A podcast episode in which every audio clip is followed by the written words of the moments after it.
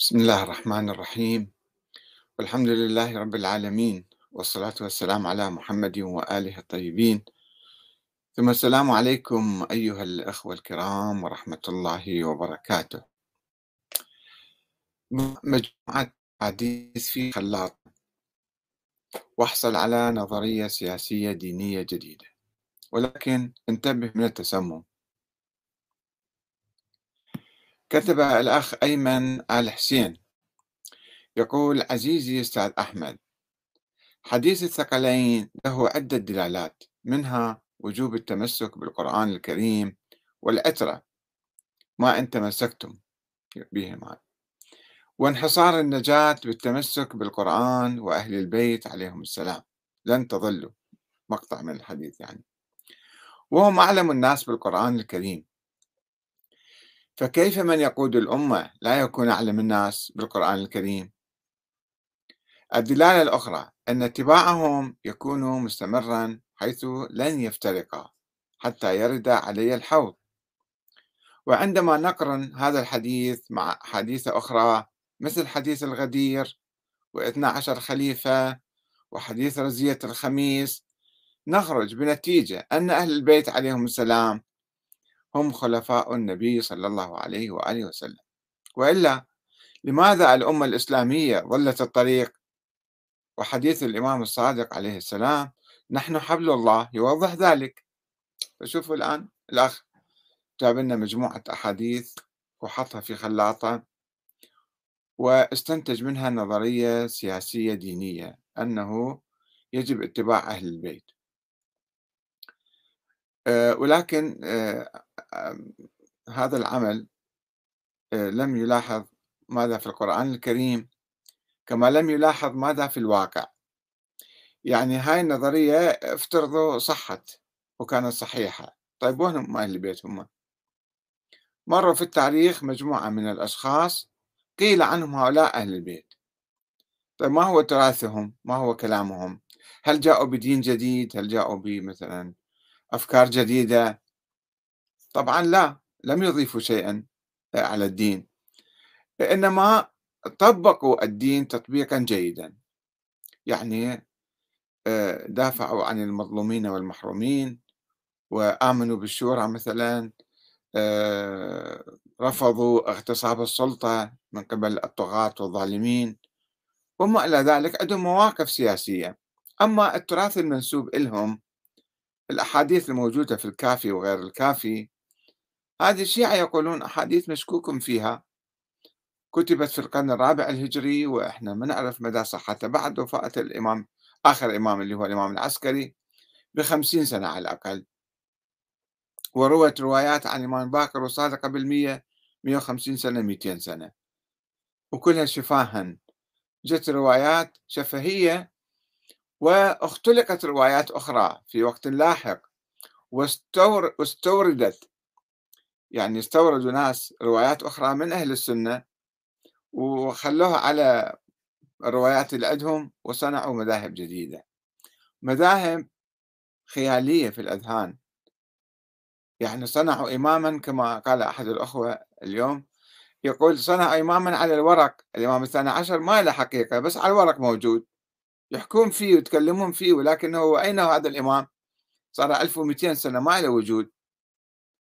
فإحنا المسلمين في الحقيقة عندما تركنا القرآن وتركنا العقل وقعنا في مطب الأحاديث الموضوعة والمنافية للقرآن ومنافية للعقل.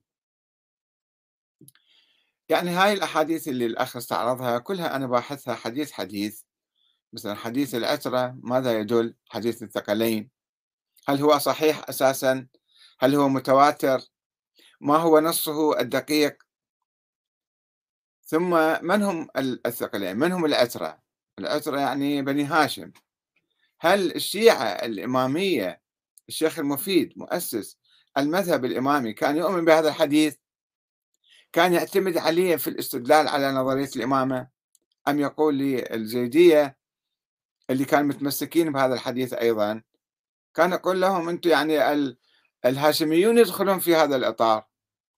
العباسيون بني طالب بني جعفر الطيار أيضا يدخلون في هذا. هم جزء من العترة ليش يعني آه، آه، تتمسكون بهذا الحديث؟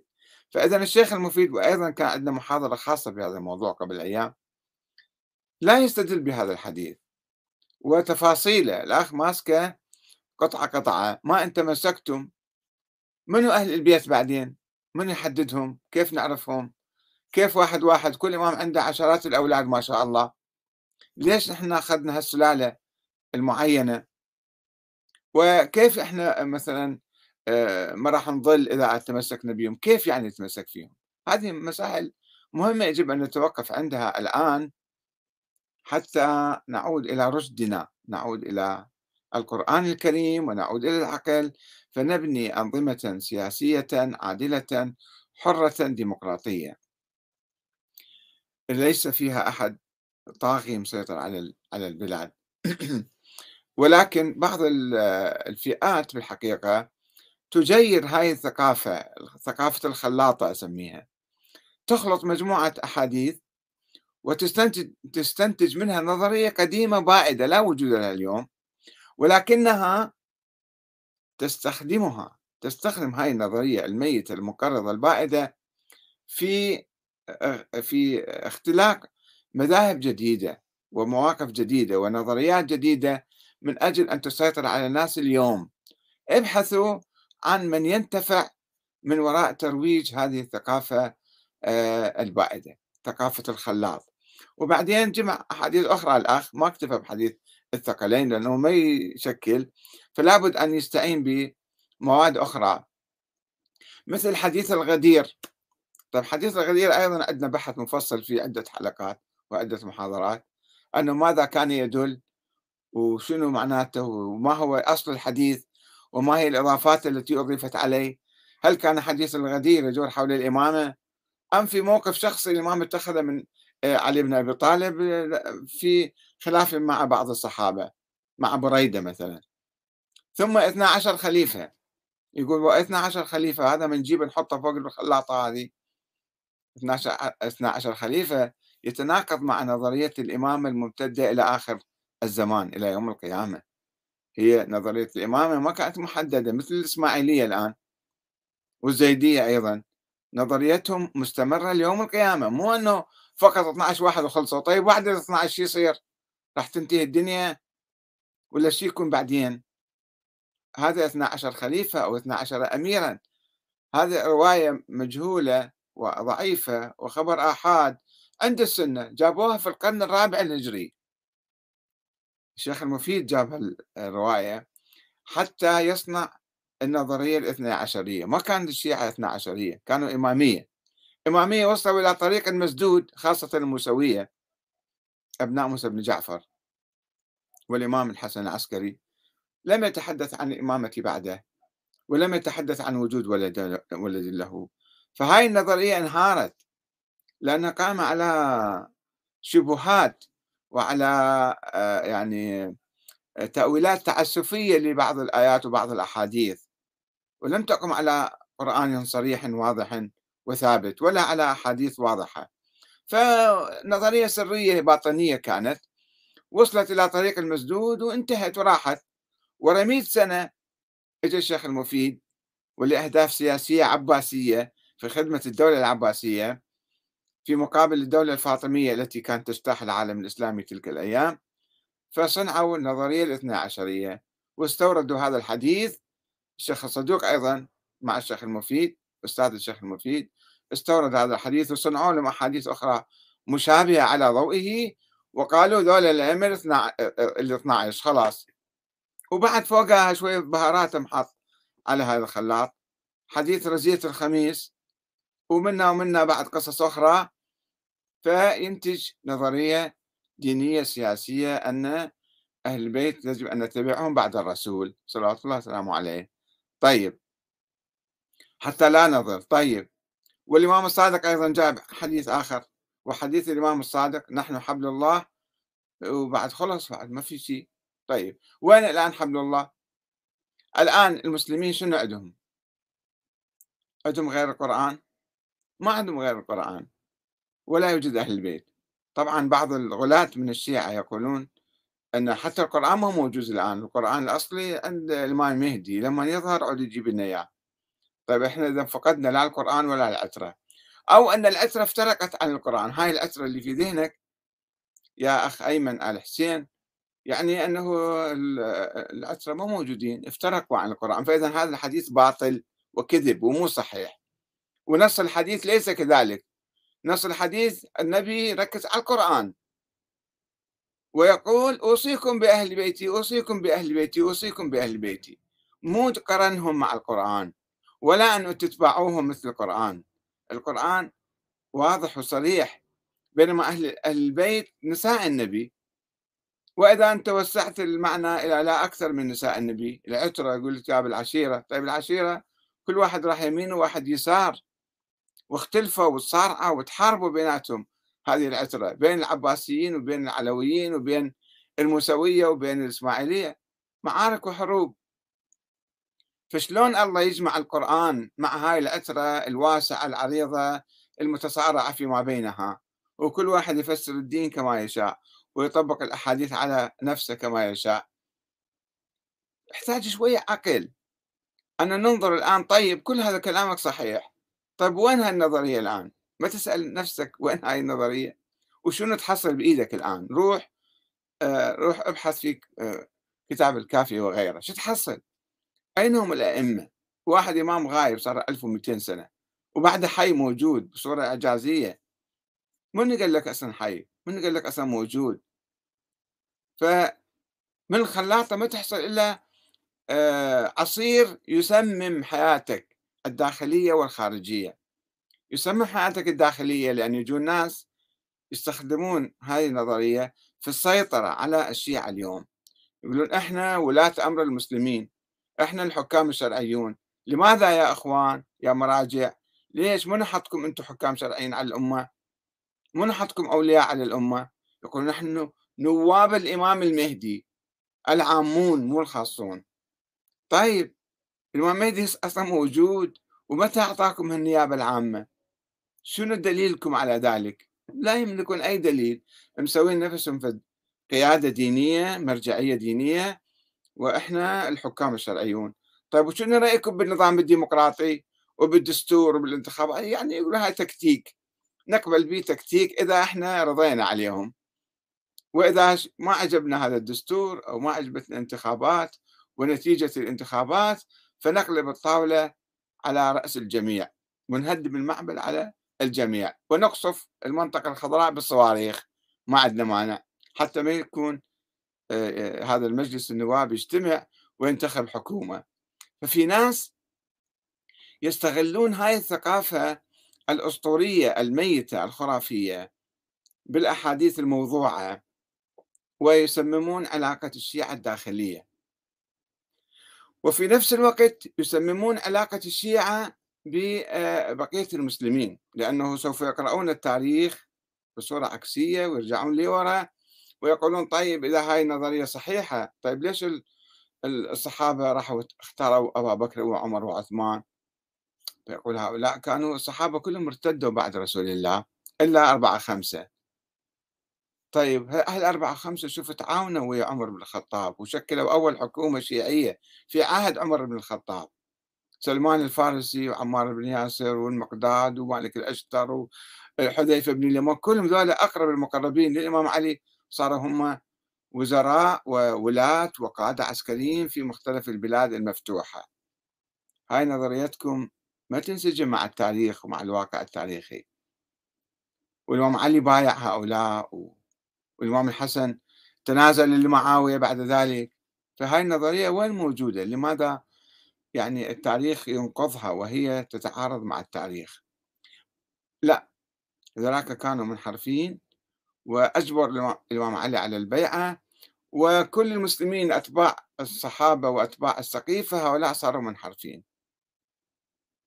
شنو شنو يؤدي هالكلام؟ إلى أنه إحنا نصير الفرقة الناجية وبقية المسلمين في النار. والما عنده ولاية لو جاب أعمال الدنيا صلى وصام وحج وزكى وأنفق في سبيل الله وجاهد وعمل كل الخيرات والطاعات هذا يروح للنار بعدين. ليش؟ لأنه ما عنده ولاية. طيب شنو هاي الولاية اللي أنت عندك وذاك ما عنده شنو فرقك أنت؟ وين سلوكك وموقفك و... وعملك الصالح وين؟ كل المسلمين يروحون النار بس أنت تروح للجنة؟ شوي فكر بعقلك.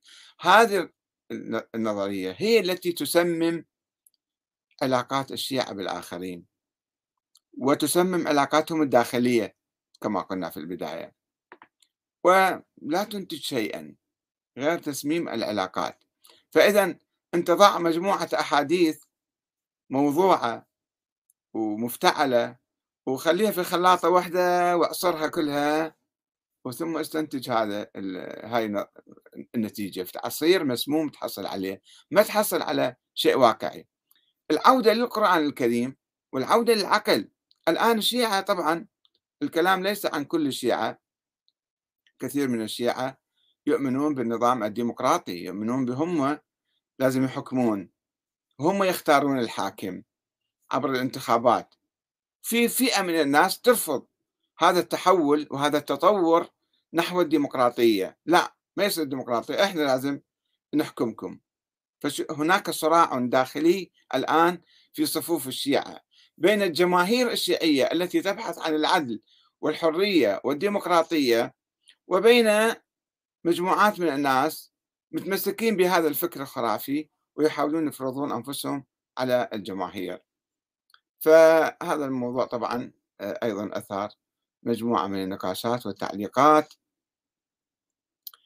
آه الأخ شيخ سيد أحمد هذا يبدو عليه من موريتانيا متشيع من موريتانيا يقول أحمد الكاتب يسير بعيدا عن مضمون حديث الثقلين ويبتعد عن إمامة أهل البيت عليهم السلام التي تعززها مواثيق رسول الله صلى الله عليه وآله. وأهو وهو أقرب إلى اتباع الإمامة العشوائية التي نصبتها السلطات العباسية. يعني هو أنت لو تدرس يا أخ شيخ سيد أحمد لو شوي تدرس حديث الثقلين جيدا لما قلت ذلك ولكن يعني بعض الأخوة آه، المتشيعين حديثا خاصة يتمسكون يعني أحاديث طايرة بدون بحث وتحقيق وتدقيق ويصور نفسه صار شيعي. أنت مو شيعي الآن. أنت ما تعرف أهل البيت منهم حتى تشايعهم. واحد آخر ما أعرف من وين من المغرب من الجزائر اسمه السنوسي نور الدين. يقول نحن المستبصرين عرفنا الحقيقة من خلال كتب أهل السنة ومن يرى مذهبه على حق فليسأل نفسه لماذا يخفي النصوص عن أتباعه. ونقاش وياه الأخوة مناقشي 37 رد وتعليق. الأخ أحمد الجنابي يعلق على آه، كلمة الأخ آه، آه، آل حسين أيمن آل حسين يقول هذا فكرة الخلاطة يعني. يقول هذا استنتاج ظني الدلالة. والعقائد تؤخذ من الآيات المحكمة والحديث والأحاديث الصحيحة المتواترة. استنتاج لا يمكن أن تجمع علماء الإسلام عليه. انفرد فيه مذهب الإمامية الاثنى عشرية ويخالفهم مذاهب الإسلام الأربع والقاعدة حتى الشيعة حتى حتى الشيعة ليسوا كلهم إمامية وليسوا كلهم اثنى عشرية. والقاعدة الفقهية تنص على مسألة أن مسألة مختلف فيها لا إثم فيها. أصلا أن عقيدة الإمامة بمفهوم الإمامية هي عقيدة ظنية والخطورة التي أنتجتها هو جعلها من أصول الدين. بعدين نسويها فالشيء ظني نسويه أصل من أصول الدين ونكفر الناس اللي به. أو بعدين نزل أصول المذهب اللي يؤمن به نطلع من التشيع. وكما نعلم مجمع عليه أن أصول الإسلام خمسة لا توجد الإمامة من ضمنها. والنقل والعقل والمنطق أنك تضع أصل الدين ثم لا يؤمن به الناس يعني تكفره إذا سويت في شيء أصل جديد. يعني تسمم علاقتك مع الآخرين.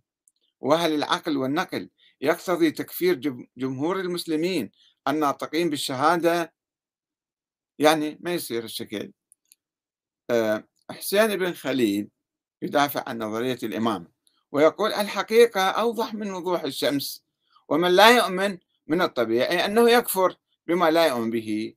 ويجيب حديث عن النبي يا عمار إن رأيت عليا قد سلك واديا وسلك الناس كلهم واديا فاسلك مع علي فإنه لن يدليك أو يدلك أو كذا في ردى ولن يخرجك من هدى. طيب إمام علي؟ بايع الخلفاء الثلاثة. والإمام الحسن بايع معاوية والإمام الحسين أيضا بايع معاوية والإمام زين العابدين بايع يزيد وبقية الأئمة كلهم بايعوا حكام زمانهم. ماذا تقول في ذلك يا أخ حسين بن خليل؟ وين هاي الحقيقة الواضحة وضوح الشمس إذا هم الأئمة ما عملوا بها عندهم رأي آخر. فإذا إمام علي سلك وادي أنت لازم تسلك وراء. يعني بايع أبو بكر وعمر.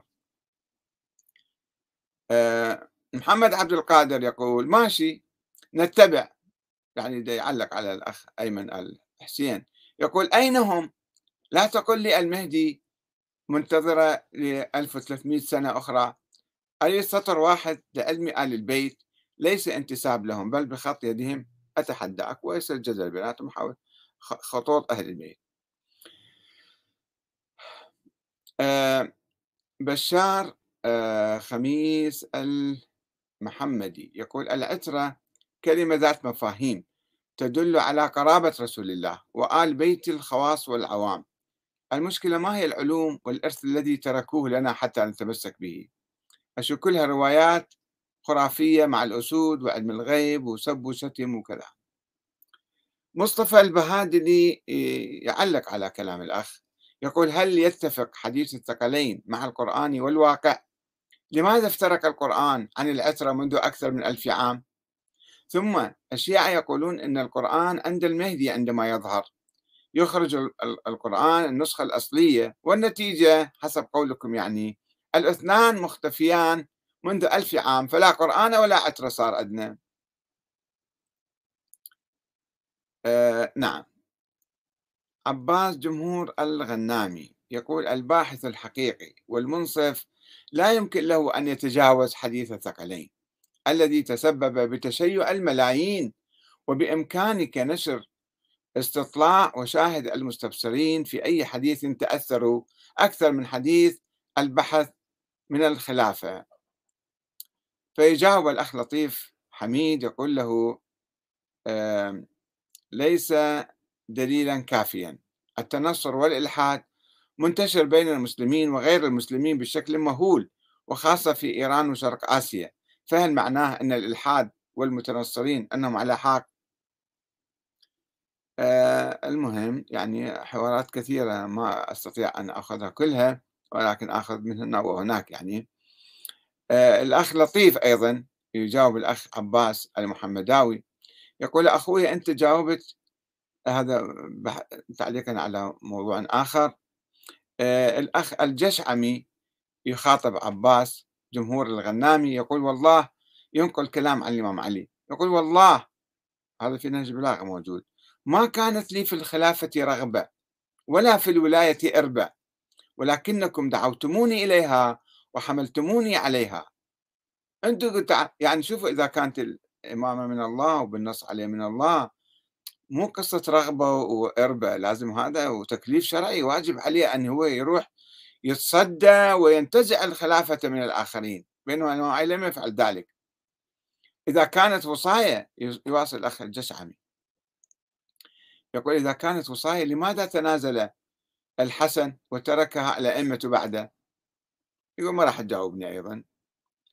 أه وأيضا عندنا سمير خلف يجاوب الأخ عباس المحمداوي يقول لقد تمسكنا إحنا الشيعة يعني بالأسرة فهل منعنا هذا التمسك من الضلالة والبغي؟ ولا تقول لي من يقول إحنا شيعة؟ ولا تقول الجعفري والمالكي والخزاعي والخزعلي والصدر ما يحكمون باسم الشيعة بل هم شيعة ومتمسكين بالتشيع وعلى اتصال بالرسائل العملية. فيا سيدي الغالي دعونا من الروايات التاريخية يعني ما جمعتنا. الآن إحنا متفرقين إلى شيع وأحزاب. دعنا من الروايات التاريخية التي لا تسمن ولا تغني من جوع. نبقى فأكيد أنا شيعي لأن أمي وأبوي شيعة يعني. مصطفى البهادلي يخاطب أيضا عباس. آه، في ردود فعل كثيرة على الأخ عباس. آه، الأخ مصطفى البهادلي يقول أولا في الحديث الذي أخرجه البخاري والشيخ المفيد جزء واحد صفحة 204 لا يوجد قول هجر. بس هذا بس تفصيلي. ويقول له آه، هذا موضوع جيد. مصطفى البهادلي يخاطب الأخ عباس. لماذا الشيعة يهربون من القرآن إلى عقولهم وآرائهم؟ إن علماء الشيعة الإمامية يعرفون حقائق الأمور وبواطنها. يدركون جيدا أن القرآن لا يمكن الاعتماد عليه في بناء نظرية الإمامة يعني لعدم صراحة آياته على عقائدهم. فهم يعرفون أن الله ذكر أحكاما وآدابا وتفاصيل لمسائل أدنى بكثير من الإمامة والعصمة والتمسك بالعترة والمهدي وغيرها من عقائدهم كالتحية والنكاح والطلاق والحيض والرضاعة وقضاء الحاجة والتطهر من الجنابة وعدة المتوفى عنها زوجها والصيد والتيمم وأمور أخرى دنيوية كالبيع والشراء والورث والدين وغيرها من الفروع تناولها القرآن بنصوص صريحة. لا تحتاج إلى استنباط أو تأويل أو رواية لفهمها. فلا يعقل أن المصدر التشريعي الأول والأساس للمسلمين يذكر الفروع بل فروع الفروع ثم يفرط في ذكر أصل من الأصول وهي الإمامة وهو يتنزل على مدى ربع قرن من الزمان. فلا يعقل أن أمرا من الأمور يتوقف عليه الدين ولا يصح الإيمان إلا به ثم يغفل القرآن عن ذكره. فكيف يذكر القرآن؟ هذه الفروع بهذه الطريقة الواضحة المفصلة بينما يترك الأصل مبهما متشابها. لو فتشوا عنه القرآن كله لما وجدوا عليه آية واحدة بصراحة ووضوح آية الحيض أو عدة بوضوح آية الحيض أو عدة المتوفى عنها زوجها. فكيف يوجب الله تعالى على عباده الإيمان بولاية الأئمة الاثنى عشر التي يصفونها بأنها منصب إلهي كالنبوة وتكون معرفتهم كمعرفة الله ورسوله ولا يعذر أحد بجهالتهم. من عرفهم كان مؤمنا ومن أنكرهم كان كافرا. فعقيدة لها هذا الخطر وتلك المنزلة العظيمة وليس لها دليل واحد بقوة بقوة وصراحة آية الحيض وهي فرع من الفروع. وهي بالنسبة للإمامة فرع صغير جدا. ويواصل الأخ مصطفى البهادلي. بارك الله فيه. يقول إن جميع الأصول التي انفرد بها الشيعة ليس لأي واحد منها سند من محكم كتاب الله أو صريح آياته البتة. وكل آية يحتجون بها دليلا على أي أصل من أصولهم لا يمكن أن تدل بنفسها على المطلوب. ما لم يرجعوا بها إلى تفسير من عالم أو توجيه من رواية. إن الشيعة لم ولن يتمكنوا قط من العثور على آية محكمة واحدة من القرآن كله تؤيد ما يدعون وإلا فليكذبونا ولو بآية. وبيننا وبينهم الزمان مفتوحا على مصراعيه فليأخذوا منه ما يشاءون سنة أو ألف سنة أو أكثر مما يعدون. في الحقيقة الغلاة غلاة الإمامية الذين أسسوا لهذه النظرية في البداية اضطروا إلى القول بتحريف القرآن. فقالوا نعم كانت هناك آيات ولكنها مسحت. وحتى يقولوا أنه نعم القرآن نص على ذلك وهذا أيضا في أسطورة أخرى يعني. اضطروا إلى اختراعها.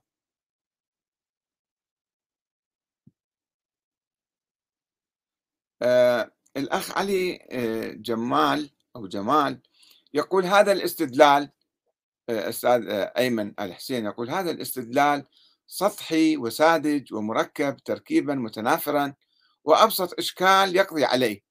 إذا كان رسول الله صلى الله عليه وآله أمرنا باتخاذ العترة كمرجعية إمامية في الدين والسياسة حصرا فهل سيدة فاطمة الزهراء آه، رضي الله عنها تدخل في مضمون حديث العترة وبالتالي لا يجب مفارقتها عن القرآن وأصبحت هي أيضا مرجعية دينية وسياسية. أي المفروض أن تكون إماما دينيا وسياسيا ويصبح الأئمة ثلاثة عشر وليس اثني عشر وبالتالي لا يصلح الاستدلال بحديث اثني عشر خليفة. هذا مجرد نظر بسيط يسقط كل هذه الأدلة فضلا عن أن هذه الأدلة لا تصلح للاستدلال بأصل من أصول الدين. يحتاج الكثير من آيات القرآن واضحة الدلالة. إن لم يكن المفروض أن يكون أغلب القرآن يتحدث عن الإمامة ويقص دعوة الأئمة عبر التاريخ ومقارعة منكريها بالحجج القوية مثل ما كان الرسل يحاججون الكفار في مبدأ الرسالة. إضافة إلى هذا المفروض قضية دينية وعقائدية بأهمية الإمامة عند الشيعة تكون من المعلوم بالضرورة تاريخيا. ويستحيل إنكارها. هذا أيضا إضافة إلى أن العقل والمنطق يقول أن الإمامة معتقد خيالي لا يمكن تطبيقه على أرض الواقع وأن فكرة الإمامة هذه من أغبى الأفكار على مدى التاريخ ويستحي الإنسان من أن يحاول الاستدلال بها أو لها فضلا عن أن يعتقدها ويجعلها أساس الدين. يعني تعليقات كثيرة في الحقيقة آه، وبالتالي يعني آه، الأخ محمد عبد القادر أيضا يضيف على العنوان عنوان هذه الحلقة اللي كان ضع مجموعة أحاديث في خلاطة واحصل على نظرية سياسية دينية جديدة. وانتبه من التسمم. يقول وتشرب على معدة خالية وعقل خالي نحصل على نتائج اليوم. يعني إذا واحد أخذ هاي النظرية بدون عقل وبدون تفكير راح آه، يؤدي بنا إلى التفرقة وإلى الدكتاتورية وإلى الاستبداد وإلى العداوة والحقد بين المسلمين. والسلام عليكم ورحمة الله وبركاته.